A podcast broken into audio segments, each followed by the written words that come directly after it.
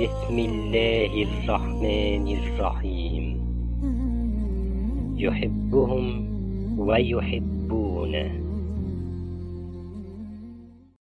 في اللغة العربية لما تقول جبرت فلان على حاجة معينة يعني خليته يعملها غصب عنه. لكن الجبر بسكون حرف الباء يبقى عكس الكسر. يعني لما ترمم حاجة أو تصلحها وعلشان كده الجبس اللي بيتحط لو الواحد لا قدر الله ايده أو رجله اتكسرت اسمه جبيرة من جبر. والجبر كمان معناه انك تنقل واحد من حالة الفقر. يعني لما تتصدق عليه بفلوس مثلا فيتغير حاله من الفقر للستر. ولو قلت على واحد جبار يبقى معناه إنه ضخم كبير الحجم قوي. علشان كده سيدنا موسى عليه السلام لما طلب من بني إسرائيل إنهم يدخلوا الأرض المقدسة ويجاهدوا عدوهم ردوا عليه بإيه؟ قالوا يا موسى إن فيها قوما جبارين يعني أقوياء طوال ضخام وإنا لن ندخلها حتى يخرجوا منها رفضوا الأمر خوفا وجبنا منهم ولو قلت على حد تجبر يعني افترى وبقى متكبر. علشان كده سيدنا عيسى عليه السلام لما اتكلم في المهد قال إيه؟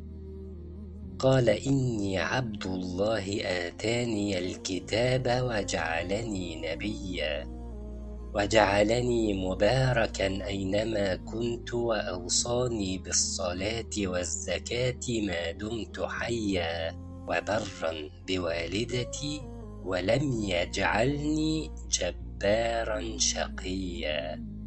فكان عليه السلام متواضع رحيم رقيق.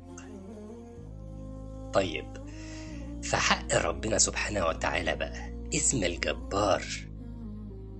الجبار يبقى معناه إيه؟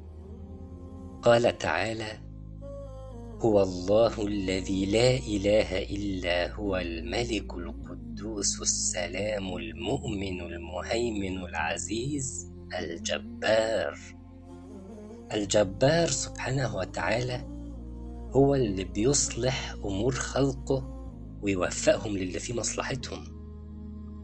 وفي نفس الوقت هو سبحانه وتعالى اللي بيجبر خلقه على ما يريد. إنما أمره إذا أراد شيئا أن يقول له كن فيكون. والجبار سبحانه وتعالى هو اللي بيوفر لك أكلك وشربك ولبسك وشغلك ومكسبك وكل أسباب معيشتك فيغنيك بها عن الفقر. والجبار سبحانه وتعالى هو اللي فوق خلقه جميعا. الجبار سبحانه وتعالى هو اللي بيجبر القلوب المكسورة والناس الضعيفة المظلومة وكل عاجز يلجأ له ويستجير بيه. فخليني أسألك السؤال مرة كمان. هل عندك حد غيره تستجير بيه علشان يجبر خاطرك؟ الجبار سبحانه وتعالى. رب اغفر وارحم وأنت خير الراحمين.